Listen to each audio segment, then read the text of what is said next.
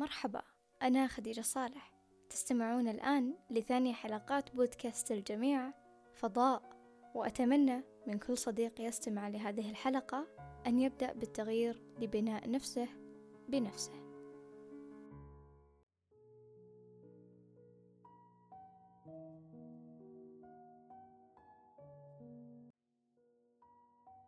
ببدأ الحلقة بسؤال بسيط ولكم عشر ثواني للإجابة عليه. بينكم وبين نفسكم. هل في مرة جلست مع نفسك ومتى؟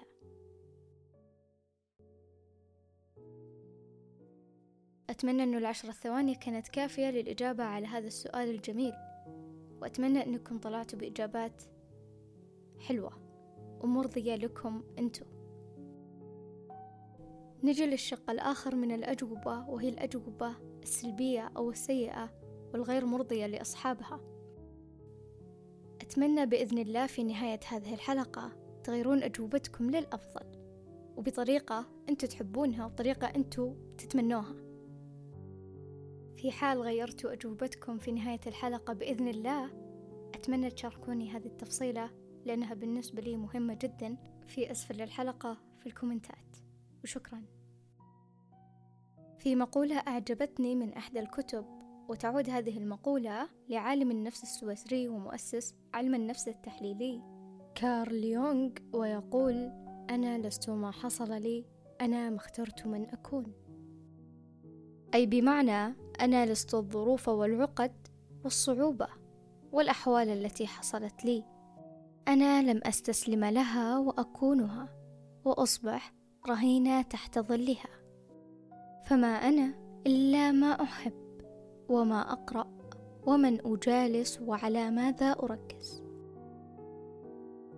لوهلة تساءلت بيني وبين نفسي هالتساؤل ليش ما أعامل نفسي على أنها شخص أسمع له؟ أحترمها أجتهد عشان أحطها في مكان وموقف يليق بها. ليش؟ برأيي يجب علينا أن نلتفت لأنفسنا لنختار أنفسنا ونختار من نكون. ونختار لنفسنا اللي تحتاجه. ولكن قبل لا نختار لازم نعرف إيش اللي تحتاجه أنفسنا. وإيش الشيء اللي يرضيها. لكن قبل هذا كله لازم يرضى الله أولا.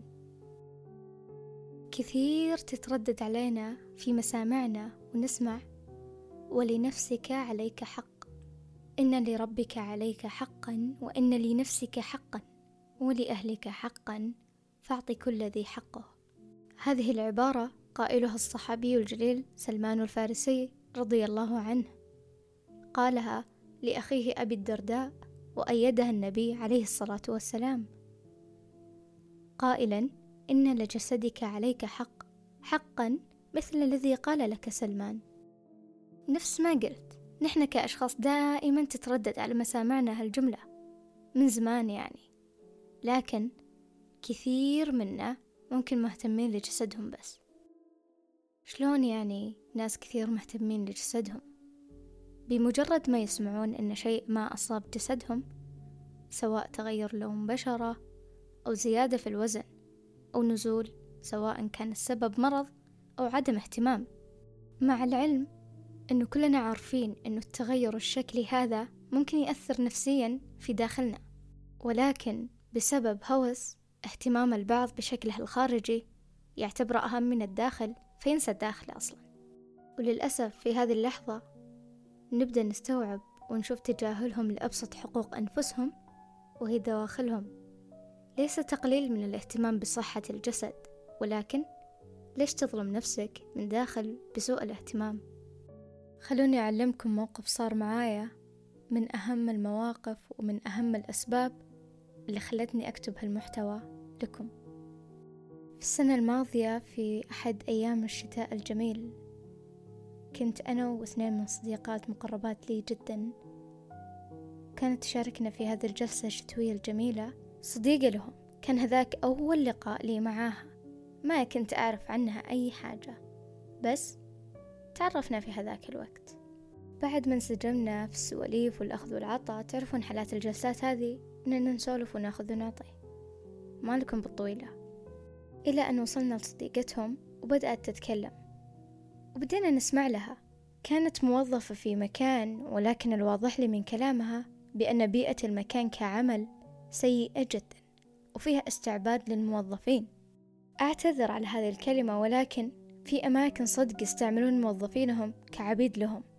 وكأن ليس لهم روح ولا جسد ينهك ويتعب. كانت تتكلم بشكل متواصل إلى أن بدأت بالخروج عن سيطرتها. فعلا هنا أدركت تماما بأن الموضوع ضاغط عليها بشكل كبير مرة. بدأت تحكي لنا هي قد إيش تعبت وقد إيش هي منهكة. إن حتى إنها ما عاد تاكل بكامل حاجاتها الجسدية وإنها تشعر بخمول وتعب فظيع جدا. بسبب إيش؟ بسبب هذا العمل للأسف الشديد يعني. لكن المصيبة الأعظم بالنسبة لي إنها مستاءة ومتضايقة من تعبها الجسدي فقط. من أبسط حقوقها إنها تكون مستاءة ومتضايقة من تعبها الجسدي. ولا أقول في هذا الموضوع شيء. وصار لازم أتدخل وأحاول أني أمتص غضبها هنا. لكن الشيء اللي استفزني جدا وخلاني أقاطعها الكلام هو إنها ما تدري قاعد يصير جواتها بسبب هالأشياء.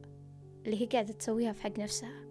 على فكرة ترى إحنا نظلم أنفسنا أوقات من غير ما نعرف من غير ما إحنا ندرك هذا الشيء اللي إحنا قاعدين نسويه. يعني في النهاية حنا بشر. مصيرنا نمر في أيام صعبة مصيرنا نمر في أيام ما هي مطمئنة. في أيام حنا ما نتمناها فبالتالي راح تصير عندنا تراكمات. يعني لما نجي نفكر مو كل مرة أو مو كل نهاية يوم حنا نجلس مع نفسنا مع أنه أنا في نظري أشوف أن هذا هو الأصح. أبدأ أستوعب إيش الأشياء اللي أنا سويتها اليوم سواء كنت موظف أو في المدرسة أو في الجامعة أو إيش ما كنت أنا. أبدأ أستوعب عشان فجأة ما أحس بلحظة الإدراك. لحظة الإدراك اللي أنا قاعدة أقصدها الآن سيئة جدا. ليه سيئة؟ لأنه راح أكون كذا تحت الضغوطات. أنا هنا ببدأ أستوعب الأشياء اللي أنا ما فرغتها من وقتها. أحيانا توافه الأمور وأصغرها تسبب لنا تراكمات من غير ما نحس. وأحيانا يعني لو تلاحظون أوقات ننفجر على أشياء تافهة جدا. وكل هذا بسبب إيش؟ بسبب التراكمات. فأحس نهاية اليوم لو جلسنا فيها مع نفسنا لو شوي بس حتهون علينا كثير إن شاء الله.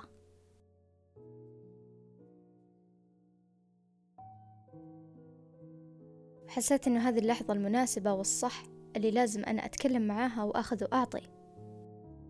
إيش المرحلة اللي هي تتمنى توصلها؟ كلنا تقريبا عندنا أحلام وأهداف نتمنى أننا نحققها ونسعى عشانها. فأنا أبي أفهم هي وش أهدافها وإيش الشيء اللي هي تحلم فيه. ويريحها من جواتها. نرجع شوي لبداية الحلقة وأنا بدأتها بسؤال جميل مثل ما قلت لكم وفعلا هو نفس السؤال اللي بدأت فيه النقاش معاها. حرفيا أول ما بدأت الكلام بهذا السؤال أنا فهمت أشياء مرة كثير وفهمت أشياء ما كانت واضحة لي أبد أشياء مبهمة. صعقت مرة بجوابها لما قالت لي إن ما جلست إلا مرة واحدة قبل عشرين سنة. والله إني زعلت صدق مرة. سألتها عن سبب إنها ما تجلس مع نفسها وليش. كان الرد أعظم ما تقدر تجلس مع نفسها بسبب إنه ما عندها وقت بسبب إنها مشغولة بسبب إنه هي ما عندها قدرة على مواجهة نفسها للأسف. سواء في غرفتها في أكثر مكان ينتمي لها الإنسان ينتمي لغرفته المكان البيئته حول الأشياء اللي يحبها. ما تقدر تجلس مع نفسها. أبد. وهنا فهمت نقطة جديدة إنه هي شخص يخاف مواجهة نفسه ويخاف يواجه مشاكله اللي تواجهه بالحياة للأسف. وهذه المشكلة موجودة عند الأغلب ولكن ما حد عنده علم بهالشي اللي يعيشه. راح أذكر لكم إيش صار في نهاية قصتها. وأنا ذكرت هذه القصة مو من عبث ولكن لتوصيل رسالة مهمة جدا لأنه إحنا ناس غافلين عن نفسنا شوي. نهاية القصة جميلة جدا ولا أتوقعتها أبدا أبدا أبدا. حقيقي. لكن شعور أنك أنت إنسان تكون سبب بعد الله في تغيير شخص للأفضل هذا بحد ذاته شعور عظيم جدا. صعب أني أوصفه. حقيقي صعب أني أوصفه. وجاء اليوم اللي أنا سألت فيه البنت إيش صار عليك؟ وإيش سويتي بحياتك؟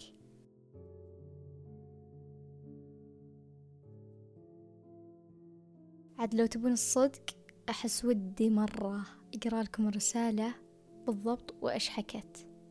بكل اختصار شديد قالت لي إنه أنا أحد أهم الأسباب اللي غيرت فيها بعد الله ولكن في شي ثاني أنا مرة مبسوطة منه وفخورة جدا فيها. قالت لي إنه أنا بعد من أهم الأشياء اللي غيرتني ولأني فعلا ركزت بكلامك وقتها وركزت في موضوع الشي اللي ما يضيف لك حتى لو كنتي محتاجته حطي عليه إكس ودوري نفسك ودوري أنتي وين.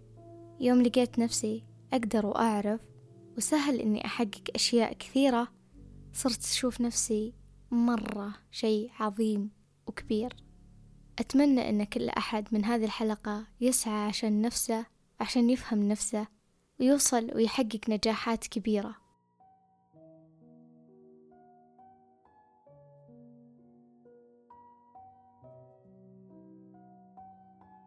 إيش يعني استحقاقك لنفسك؟ وهل إحنا نمر في هذا الشيء ولا لأ؟ غالبا يجينا هالشعور بعدم الاستحقاق من مواقف من الماضي. أثرت على نظرتنا لنفسنا.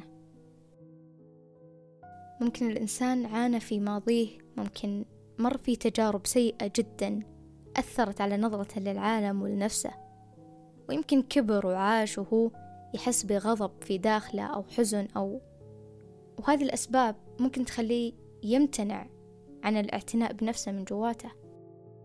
هنا أنا أقول لك أن أنت شخص لازم تعطي نفسك تقدير قبل أي شيء بهالحياة. أقل ما تسويه لنفسك هو أنك تجلس ساعة ساعتين ما يمنع يوم كامل. إيش المشكلة؟ مو إحنا نعطي أوقاتنا لأشياء تافهة أحيانا ويضيع يومنا بأشياء لو نفكر فيها يا الله إحنا ليش ضيعنا وقتنا بهذا الشيء؟ وهو صدق شيء تافه. فضيع هذا الوقت في نفسك أهم من إنك تضيعه في شيء ما بيقدم لك ولا بيأخر لك شيء بحياتك. حاول تفهم نفسك. وش تبي؟ إيش اللي نفسك تميل له؟ إيش أهدافك؟ إيش أحلامك؟ إيش الأشياء اللي أنت تتمنى إنك توصلها؟ إيش ودك تسوي بهالحياة؟ عشان نفسك. أقل ما يمكن تسويه هو إنك تقدرها تحترمها. لا تتحمل فوق نفسك. وهذه نصيحتي أنا فعلا. لا تتحمل فوق نفسك. شيء لأن ألم النفس والروح شيء عظيم. كثير منا يستهين منه. والله كثير منا لا يعير الجانب النفسي اهتمام مثل الجانب الجسدي. الألم النفسي أشد علينا من الألم الجسدي في حالات كثيرة. ولا أستهين بالتعب والأمراض الجسدية لا.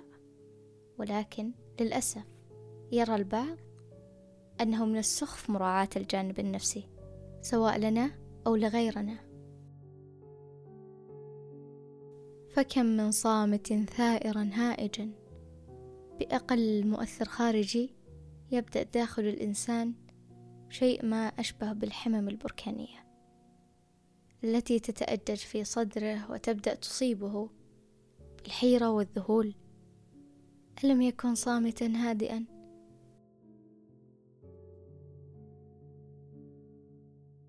ولازم نعرف يا أصدقائي أن كل إنسان لديه الحق أن يكون في أفضل نسخة من نفسه في أحسن حالة وفي أحسن صورة. لكن لا يتم ذلك بكثرة السخط على ما تملك أو أنك لا تستطيع أن تفعل. واللي سمع الحلقة الأولى من فضاء راح يتذكر أني قلت فرصنا ما راح تنساب من بين أصابعنا. الاستحقاق الذاتي هو الشعور الدائم بأنك تستحق الأفضل مثل حياة أفضل من حياتك أو وظيفة أفضل من وظيفتك أو مما تتمنى. دائما تتمنى الأفضل لك ولنفسك. قبل لا تتمنى لازم تعرف إيش الشيء اللي أنت تتمناه إيش الشيء اللي أنت راح تسعى له. لازم تعرف مساوئ ومصاعب الوصول للشيء اللي أنت تتمناه لأن النجاح مو شيء سهل. كل شيء صعب بهالدنيا بس ما في شيء مستحيل. أبغاكم تقضون حياتكم على درب يشبهكم دائما. مطمئن وساكن وواضح. أتمنى ما تكونون الناس فاضت بهم الدنيا ويلجؤون للاستسلام. أتمنى. شيء لازم نعرفه أن التجارب في الحياة مختلفة من حياة شخص الآخر أنا هنا في فضاء أتكلم عن الواقع بحيث أنه نحاول نغير من واقعنا بشكل أفضل وأجمل لنا ومثل ما حنا نبيه. صحيح أن الواقع مر لكن مو معناته نستسلم فكرة أنك تستسلم أسوأ من فكرة أنك ما تكمل. بالأخير أنتوا اللي بيدكم تبنون واقعكم اللي أنتوا تبونه وتتمنونه. لذلك أصدقائي علينا مثل ما نريح أبداننا أن نريح أنفسنا كذلك وأن ننفض كل غبار داخلها. باستمرار أن نجاهد أنفسنا لنتخلص من كل ألم نفسي ألم بها من أجل أن نعيش في سلام داخلي وخارجي. كما قال الشيخ محمد متولي الشعراوي ولا نفسك تخون ولا الله يرحل. أتمنى أن الحلقة كانت خفيفة الظل عليكم وكانت صديقة لكم في وقتكم. شكرا لأنكم قاعدين تسمعوني. وأتمنى أن أكون سبب في تغيير أحدكم للأفضل.